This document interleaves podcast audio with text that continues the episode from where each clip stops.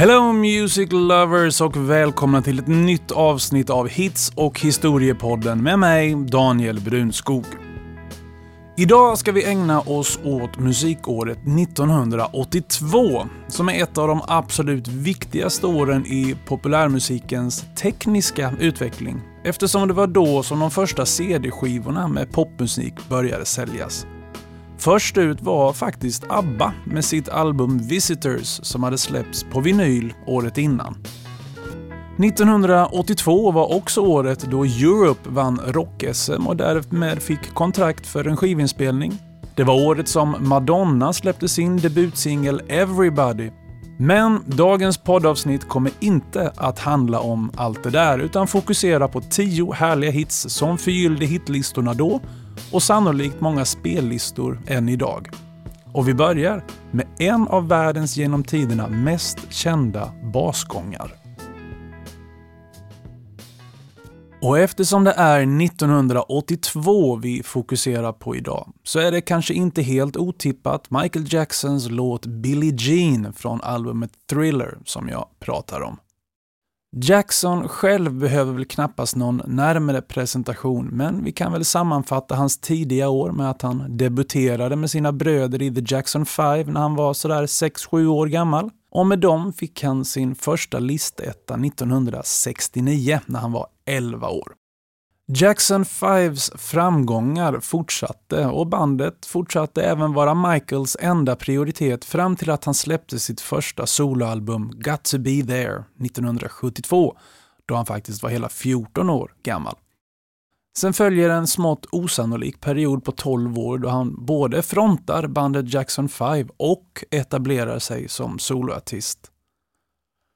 Off the Wall kom 1979 och varpå Jackson 5 fyllde på med platinasäljande albumet Triumph 1980, varpå Michael svarade med soloalbumet Thriller 82 som vi strax ska återkomma till. Och mitt i Thriller Mania så släppte Jackson 5, fortfarande med Michael i spetsen, dessutom sitt mest framgångsrika album någonsin, Victory, sommaren 84. Sen fick det vara nog med Jackson 5 och Michael satsade på solokarriären. Nu hoppade jag visst lite för långt fram, men det känns viktigt att sätta Thriller-albumet och låten Billie Jean i sin historiska och smått hysteriska kontext. Men nu återvänder vi till 1982. Låten Billie Jean har ett antal mer eller mindre tydliga inspirationskällor och vi ska beröra ett par utav dem. Först så handlar det om Donna Summers coverversion av Joan Anderson och Vangelis låt State of Independence från 81. Den andra och ännu tydligare källan till inspiration är den amerikanska duon Hall Oates listetta I Can't Go For That No Can Do som nådde toppen av Billboard Hot 100 i januari 82. Här är likheterna mycket större Även om tonerna och rytmen i basgången är olika så finns det absolut saker här som Jackson har snott rakt av. Hör själva.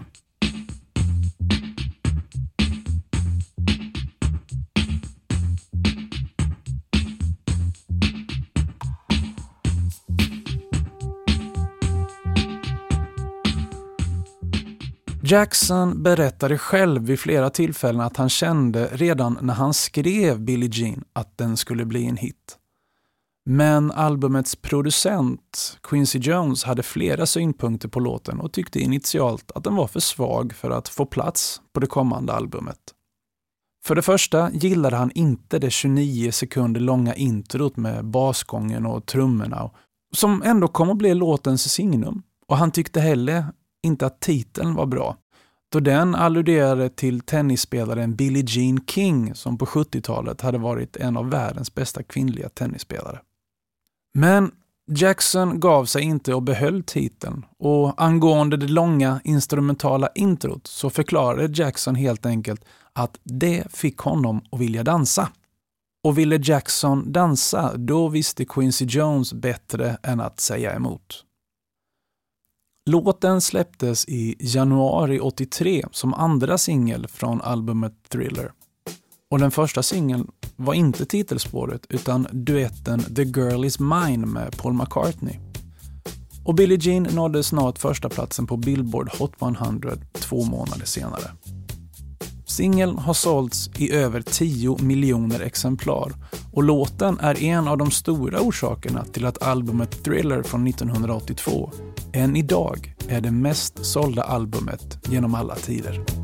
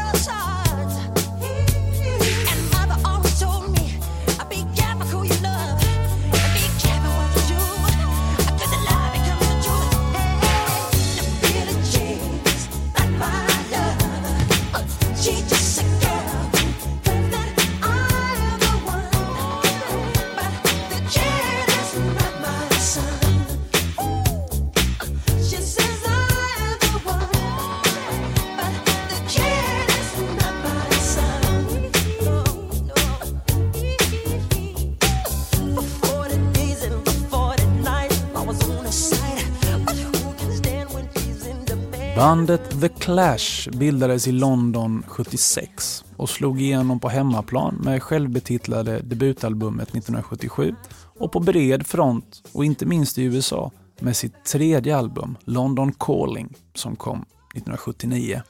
Bandet hade börjat sin karriär som ett punkband med ett uttalat mål att konkurrera ut The Sex Pistols men när vi trillar in i 1982 så har bandet breddat ut sig i en mängd olika genrer och med singeln The Radio Clash som kom sommaren 81 flörtade man till och med ohämmat med dåtidens hiphop.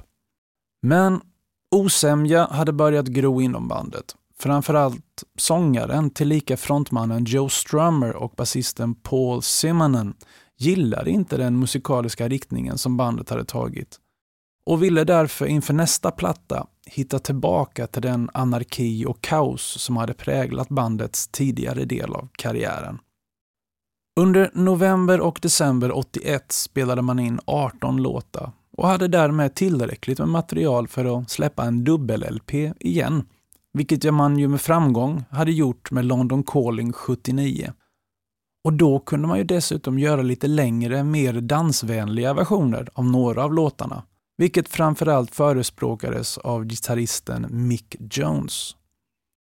Men istället för ett dubbelalbum på 77 minuter så mixades allt ner till ett så att säga vanligt album på 46 minuter, vilket gjorde att många långa instrumentala partier ströks.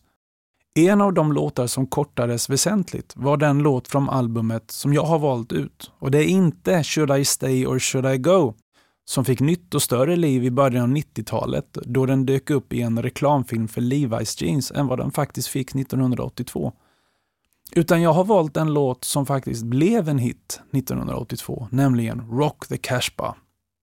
Låten skrevs, ovanligt nog, inte av gruppens två huvudsakliga låtskrivare, Joe Strummer och Mick Jones, utan av bandets trummis, den vid tidpunkten hårt nedknarkade Topper Heeden. Han hade fått lite egen studiotid utan resten av bandet och spelade metodiskt in en demo, ett instrument i taget, innan han spelade upp det nästan helt färdiga resultatet för resten av bandet. Bandet var så pass imponerade av demon att man i princip behöll den som det var och adderade endast ett par gitarrer och rytminstrument. Rock the Cashba släpptes som andra singel från albumet och blev The Clashs både första och sista topp 10-singel på Billboard Hot 100. The Clash släppte ett album till 1985 som floppade totalt och sen var det över. Och när Joe Strummer oväntat gick bort 2002 till följd av ett medfött hjärtfel dog också alla fans drömmar om en återförening. Och kvar finns bara det musikaliska arvet efter punkbandet som ville bli större än The Sex Pistols. Och som på en hel del sätt faktiskt också blev det.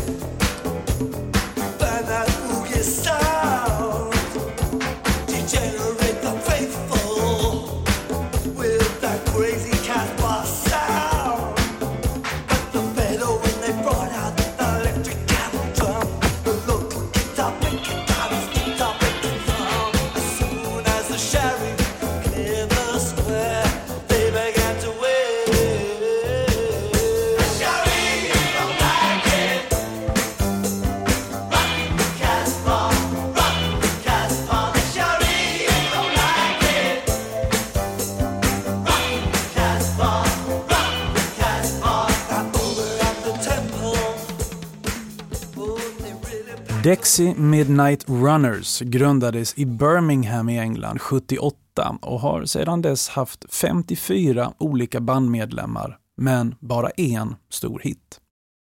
Och då kan man också i ärlighetens namn tillägga att bandet hade en paus mellan 86 och 2003, vilket kanske gör det begränsade antalet hits mer begripligt, men antalet olika bandmedlemmar än mer obegripligt. Låten Come On Eileen skrevs tillsammans av flera av bandets medlemmar, vilket kanske också förklarar det faktum att låten är uppbyggd av flera olika delar som i princip är helt olika varandra och dessutom spelas i olika tonarter. Den släpptes dessutom i fyra olika versioner där det skilde dryg minut i längd på den kortaste så kallade DJ Edit-singeln och på den version som finns med på albumet och som bland annat inleds med en ensam violin som spelar sex sekunder av den irländska folksången Believe me if all those endearing young charms innan basen och trummorna brakar in och själva poplåten tar över. Om detta känns lite rörigt så illustrerar det ganska bra tillståndet i bandet där medlemmar kommer och går innan, under och efter inspelningarna av det kommande albumet som innehåller både nyskrivna låtar och sådana som de redan spelat in men inte släppt och som nu då spelades in en gång till med de nya bandmedlemmarna. Men låten som släpptes som andra singel från albumet sommaren 82 blev, trots allt kaos i bandet, en stor hit i England och än viktigare så spred sig framgången till USA där låten över tid klättrade hela vägen upp till toppen av Billboard Hot 100, dit den slutligen nådde nästan ett år senare i april 83. Men vid det laget var hela blåssektionen utbytt och inom kort skulle många andra bandmedlemmar följa. Uteblivna framgångar följde som ett brev på posten och 1986 upplöstes bandet. Och kvar har vi, om man ska vara krass, bara en hit att minnas dem med. Men å andra sidan så är den riktigt bra.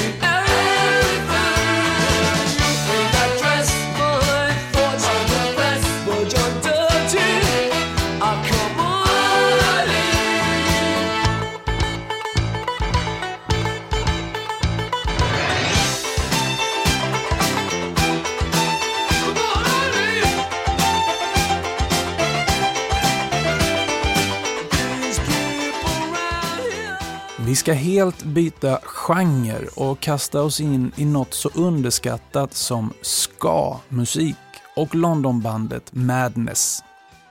Men först en snabb återblick. Ska är en musikgenre som har sitt ursprung i det sena 1950-talets Jamaica och amerikanska Millie Small hade 1964 den första internationella hitten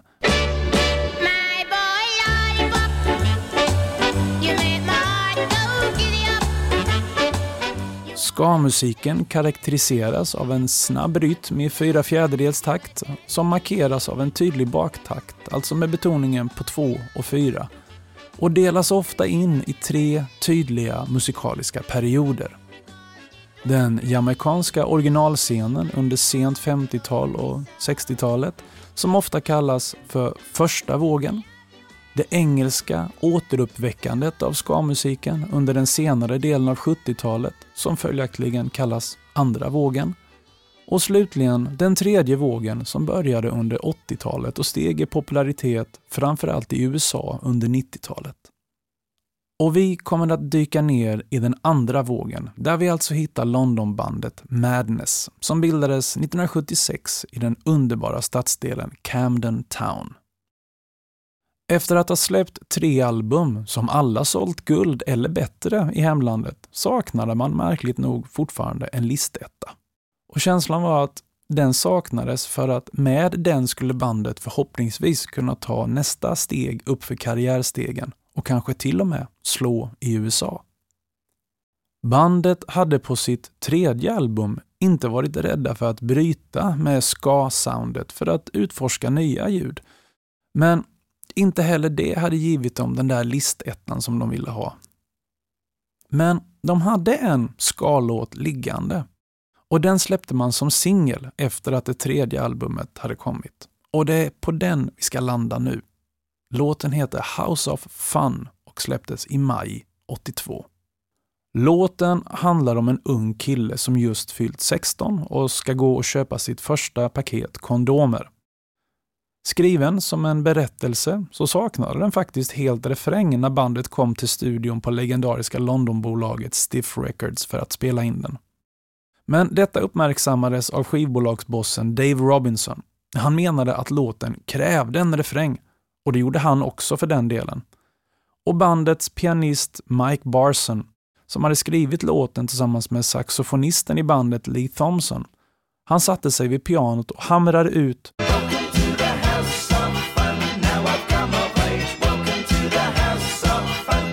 Och ska vi vara ärliga så hade det nog inte blivit den hit det blev om inte skivbolagsbossen hade fått som han ville. Nu blev det ju inte så att låten slog i USA, men den komiska och annorlunda videon som spelades in plockades upp av MTV, vilket gjorde USA redo för den superhit som skulle dyka upp senare samma år, nämligen Our House. Och även om Our House kanske är en bättre låt än House of Fun så hade det kanske inte blivit Our House utan House of Fun. Och därför så är det den låten som får en plats i det här avsnittet av Hits och historia.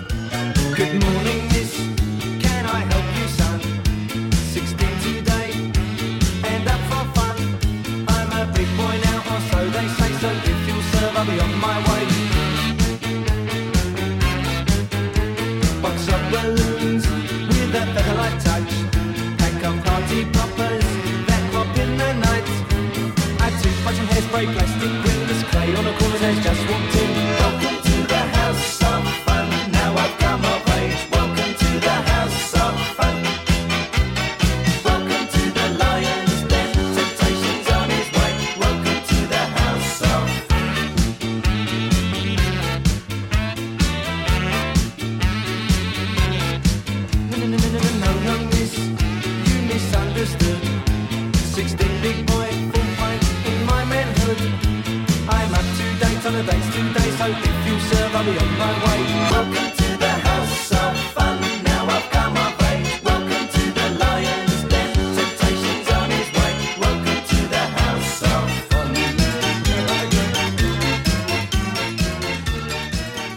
Lyssnat på tidigare avsnitt av den här poddserien så står det klart att det har varit väldigt lite syntmusik. Men att ta sig igenom musikåret 1982 utan att spela synt, det vore mycket märkligt. Syntarna hade ju faktiskt dykt upp i populärmusiken redan i mitten av 60-talet. Framförallt då Beatles använde en mellotron i introt på Strawberry Fields Forever 1967.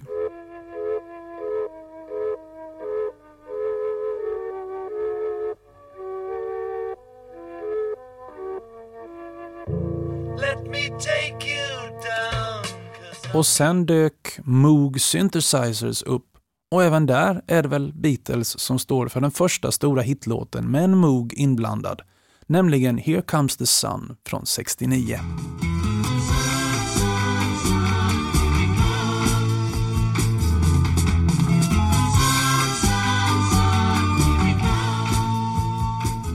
Men det dröjde till 1977 innan den första hitlåten, som var helt och hållet syntbaserad, slog igenom på hitlistorna världen över. Och det var Donna Summers låt I feel love.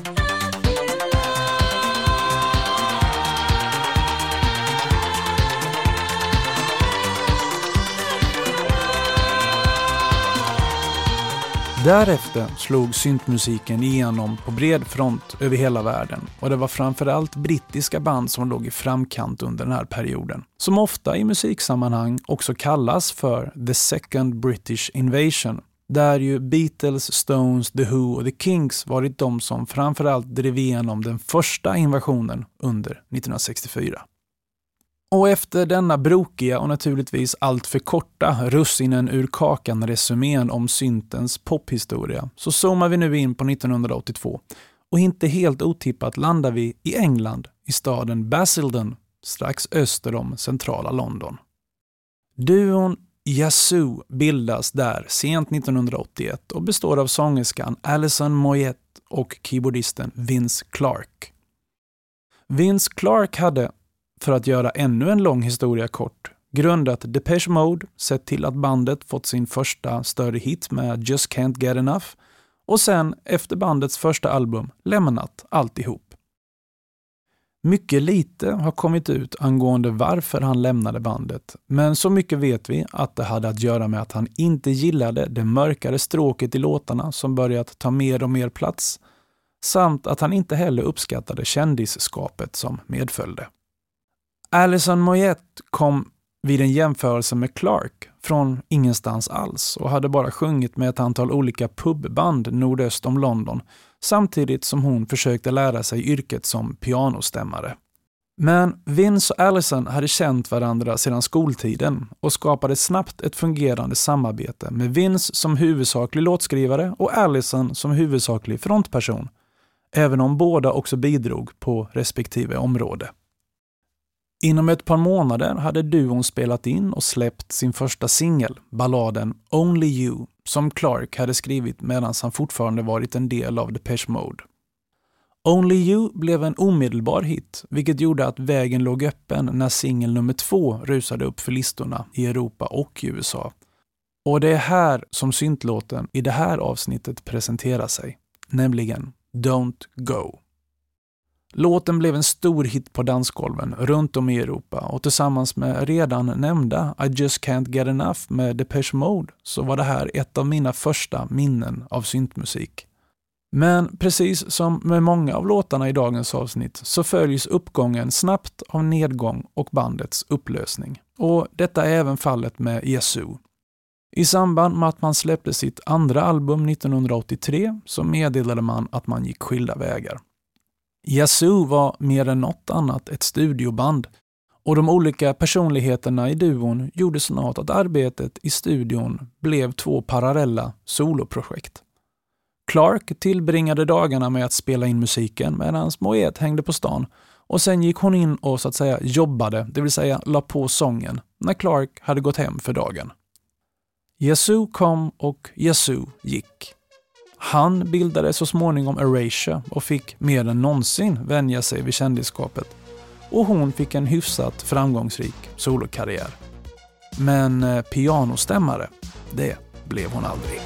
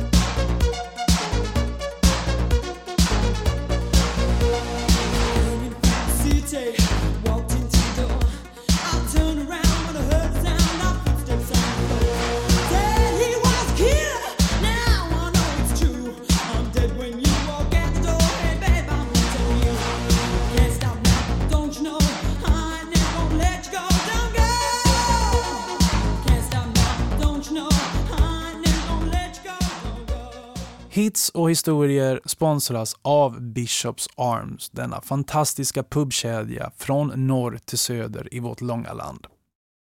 Vi är nu inne i det stora Sverige-quizet på Bishops Arms. Fyra deltävlingar under hösten med en riksfinal i Stockholm i januari.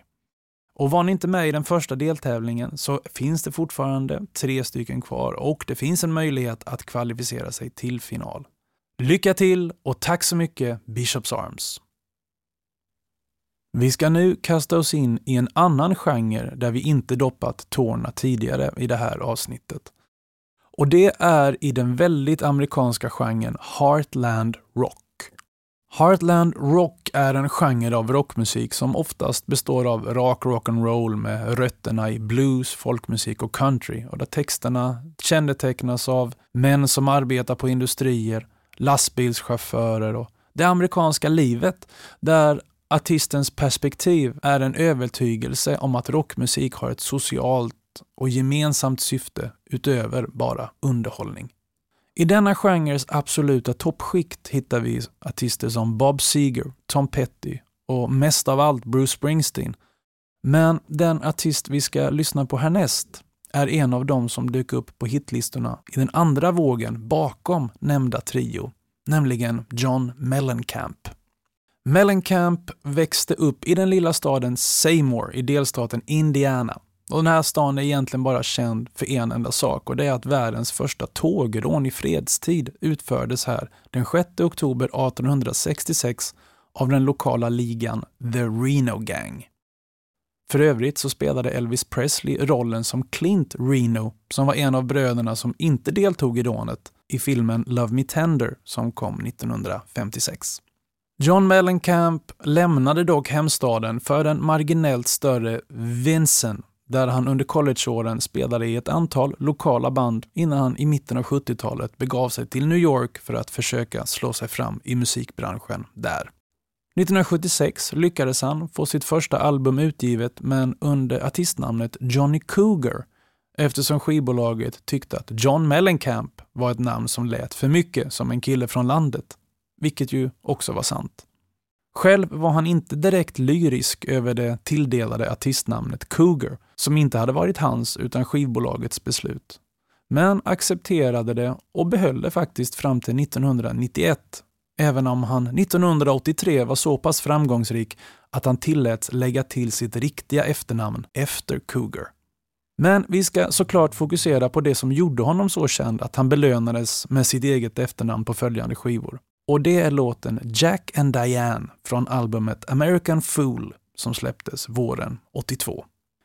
Inspelningen av albumet, som skulle bli Mellencamps femte, kantades av oenighet mellan artisten och skivbolaget, där den sistnämnda parten hade siktat in sig på ett Neil Diamond-doftande album, medan Mellencamp själv helst ville ta allt i en annan riktning. Efter att ha spelat in 18 låtar valdes de mest Neil Diamond-liknande ut och sattes ihop till ett album, men som skivbolaget refuserade. Allt från att skaffa en ny producent till albumet till att kasta ut Mellencamp från skivbolaget diskuterades, men snart lugnade saker och ting ner sig tillräckligt och tre, fyra av låtarna behölls och kompletterades med mer nyskrivet material. En av låtarna som överlevde den första rensningen var den som skulle komma att bli albumets största hit, nämligen Jack and Diane. Låten genomgick många förändringar under inspelningsprocessen.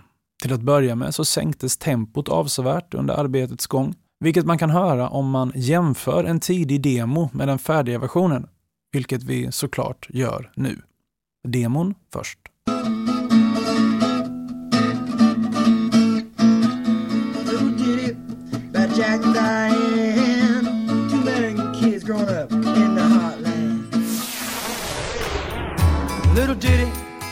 About Jack and Diane. Two American kids growing up in the heartland. Ett annat problem var att Mellencamp inte kunde hitta ett sätt för bandet att kompa honom utan tyckte att låten lät bäst när han spelade själv. Och det är därför som arrangemanget i låten hoppar fram och tillbaka i instrumenteringen. Dessutom bidrog gitarristen Mick Ronson med det körsångsinspirerade avsnittet av låten som starkt bidrog till låtens popularitet. Det säger tyvärr också mycket om hur det var på 1980-talet när Mellencamp senare avslöjat att Jack i låten från början varit afroamerikan och Diane en vit tjej och att texten ursprungligen handlade om ett förhållande mellan dem. Men att skivbolaget övertalade honom att ändra texten innan låten gavs ut. Men trots alla snårigheter och det något osammanhängande arrangemanget så tog sig låten upp till första platsen på Billboard Hot 100 i oktober 82. Och tillsammans med resten av albumet etablerade den John Cougar Mellencamp som en av vår tids viktigaste, mest långlivade och framgångsrika Heartland Rockers. Och låten Jack and Diane var diamanten som fick Mellencamp att börja skina.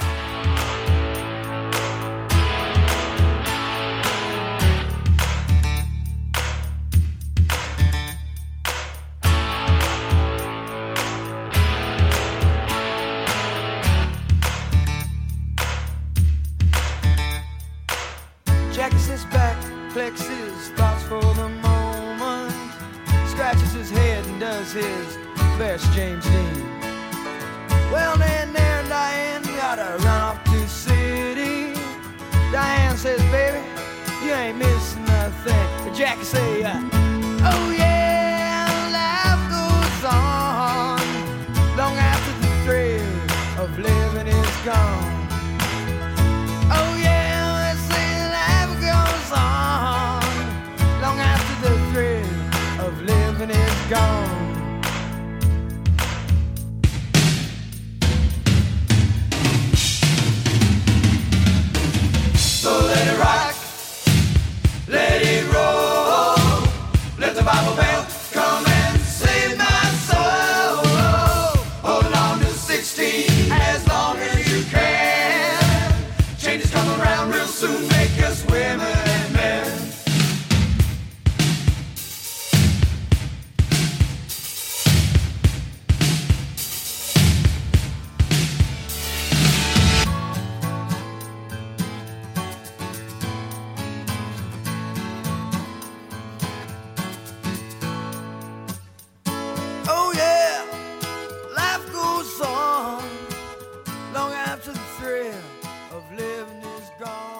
Det är dags för en svensk artist och en låt på svenska i Hits och historiepodden.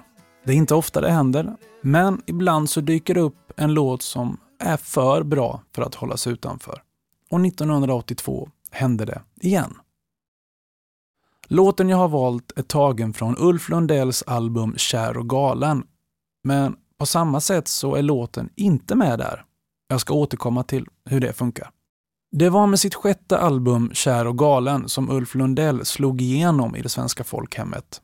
Visserligen visste Musiksverige mycket väl vem Lundell var sedan framgången med debutalbumet Vargmåne som kommit redan 75. Men det var med albumets titelspår Kär och galen, den Springsteen-doftande När jag kysser havet och såklart balladen Öppna landskap som Lundell blev Uffe med hela svenska folket. Men jag har inte valt någon av de låtarna, utan en duett som inte dök upp som en duett på albumet, nämligen Lycklig lycklig. Albumet Kär och galen sålde fyra gånger platina i Sverige, alltså drygt 160 000 exemplar, vilket 1982 innebar att ungefär 2% av Sveriges befolkning köpte skivan. Och då räknar jag med alla i kungariket levande människor vid den tidpunkten, vilket ju måste anses som en hygglig utdelning. På en av albumets låtar, Lycklig lycklig, är texten skriven delvis som en dialog mellan en man och en kvinna, så varför då inte spela in den på det sättet? Någonting i den stilen lär resonemanget ha gått eftersom Marie Fredriksson bjöds in till studion för att sjunga på låten. Låten passade den mångfacetterade Fredriksson perfekt och hon hade ännu inte slagit igenom. Det skulle dröja ytterligare två år innan låten Ännu doftar kärlek skulle ta henne uppe på topplistorna i landet. Men bland musiker var hon inte ett okänt namn. Duetten spelades in och både Fredriksson och Lundell är verkligen på tårna här. Men av någon anledning så var det inte den versionen utan den utan Marie som landade på skivan. Det skulle dröja tills 1991 innan duettversionen nådde allmänheten genom Lundells samlingsbox Livslinjen som dök upp då. Så varför är denna icke-hit med i Hits och historia? Jo, den faller innanför ramen för personliga favoriter och jag har många härliga minnen till den här låten. Framförallt från Kalmar stadshotell vintern 96-97 då den var ett givet inslag och höjdpunkt på mina många trubadurkvällar där. En riktigt bra rocklåt är det alldeles oavsett och naturligtvis så är det duettversionen med Marie Fredriksson som vi ska lyssna på nu. Det är inte mycket jag begär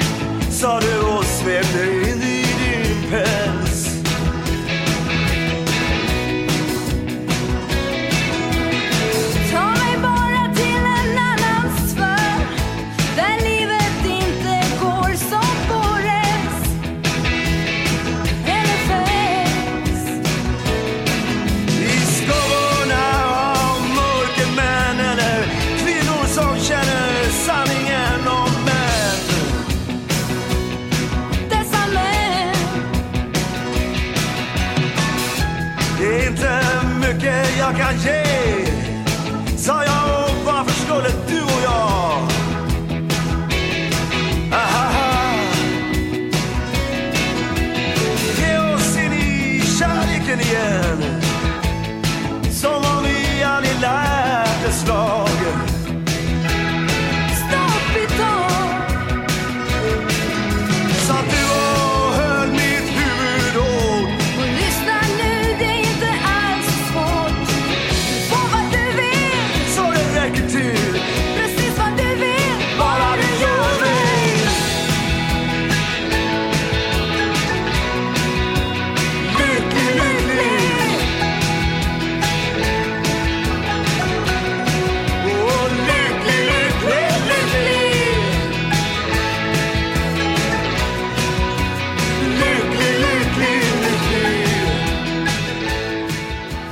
Hösten 1981 hade Marvin Gaye flyttat till Ostend i Belgien efter slutet av en europeisk turné vilket råkade sammanfalla med slutet av hans andra äktenskap. Gay kämpade med depression och kokainberoende och hade gått med på att flytta till Ostend där den sedan länge bosatta vännen Freddie Cousert, som var DJ och konsertpromotor, bodde. Medan Gay var i Osten började han minska sin droganvändning, träna och återhämta sig efter sin depression.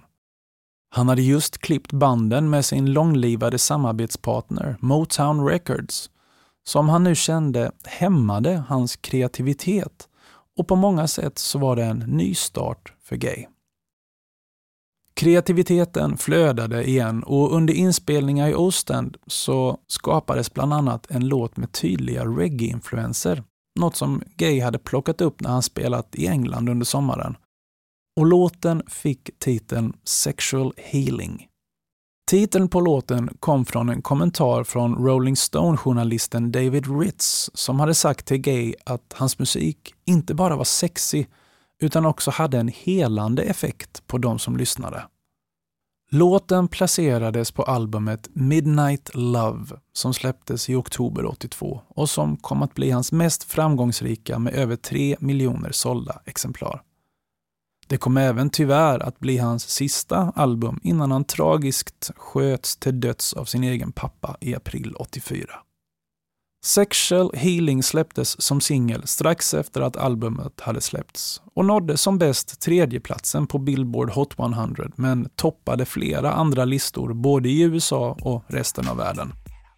Den vann dessutom två Grammys och har sålts i över 4 miljoner fysiska exemplar världen över och spelats in i en mängd coverversioner. Men ingenting är såklart nära originalet från 82.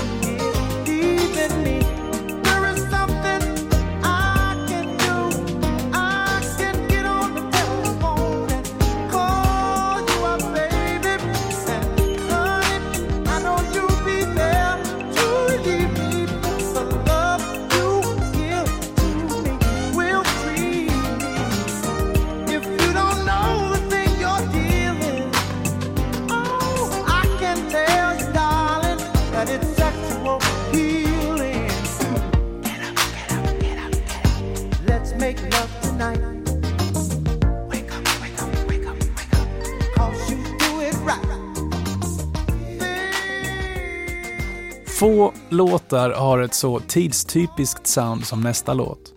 Och i ärlighetens namn är det väl få artister som ser så lite ut som att de har sålt 40 miljoner album som den här duon gör. Men duon är trots allt den mest framgångsrika i musikhistorien och kallas, för de spelar fortfarande ihop, Hall and Oates. Och låten är såklart deras jättehit Man Eater. Hall and Oates, som består av Daryl Hall och John Oates, bildades i Philadelphia 1970 och släppte sitt första album 72 till ljumma men inte negativa recensioner. Och uppföljaren innehöll hitlåten She's Gone, vilket satte ordentlig fart på den faktiskt redan stabila karriären. Sen kan man väl lite förenklat säga att det puttrade på med ett album om året och en kommersiell första peak 77 med sin första singeletta för att sedan dippa ordentligt, åtminstone kommersiellt. Fram till 1980 då man med albumet Voices fick ny fart på listorna. Detta följdes upp av albumet Private Eyes 81 som blev en ännu större hit och då är vi framme vid 1982. Kanske kan det kännas som en lite väl hastig sammanfattning av en redan så här långt både omfattande och framgångsrik karriär. Men faktum är att det verkligen inte finns en massa inre stridigheter eller skandaler att orda om. Duon var effektiva, professionella och konsekventa i sitt musikskapande och hade redan haft fyra listettor på Billboard Hot 100 när de släppte albumet H2O i oktober 82. 20 låtar hade spelats in och 11 av dem hamnade på skivan, vilket var ungefär så som det brukade vara för duon. Om de båda var oense om hur en låt skulle spelas eller arrangeras så tog man ofta sig tid att göra på båda sätten och sedan behöll man den versionen som blev bäst. Hitlåtarna från det föregående albumet hade nätt och jämnt lämnat när nästa hit landade på singellistorna. Låten Maneater hade skrivits av Oates, men originalversionen var en ja, typ av reggae som de inte riktigt kom någon vart med. För en Hall ändrade stuket till det lite mer Motown-inspirerade och You Can't Hurry Love-doftande, som sen hängde kvar till den slutgiltiga inspelningen. För visst känner man igen Supremes stora hit från 66 i Hall Oates hitlåt från 82. Lyssna själva. Först Supremes och sedan Hall Oates.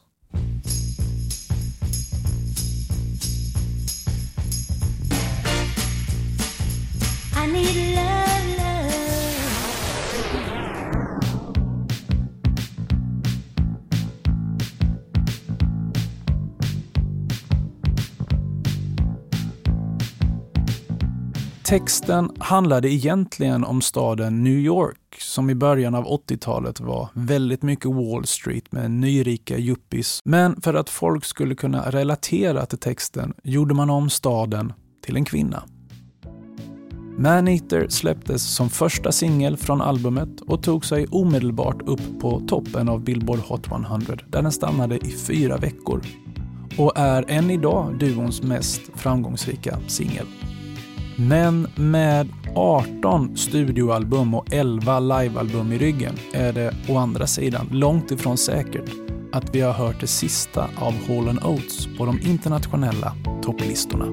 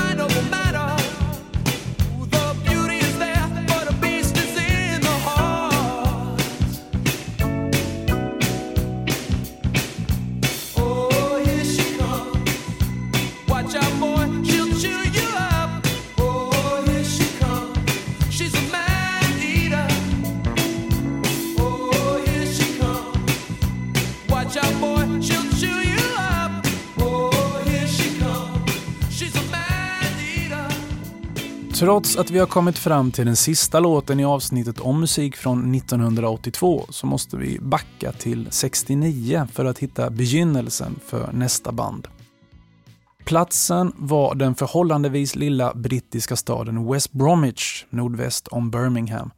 Och bandet som bildades där och då och som ska ta oss i mål är hårdrocksbandet Judas Priest.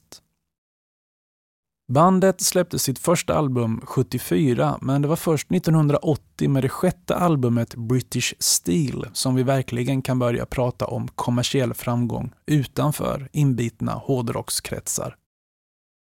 Breaking the Law, Living After Midnight och United är sedan dess hårdrocksklassiker och singlarna la grunden till det albumets framgång. Men bandet lyckades inte kapitalisera på framgången med uppföljaren, albumet Point of Entry, som kom året därpå.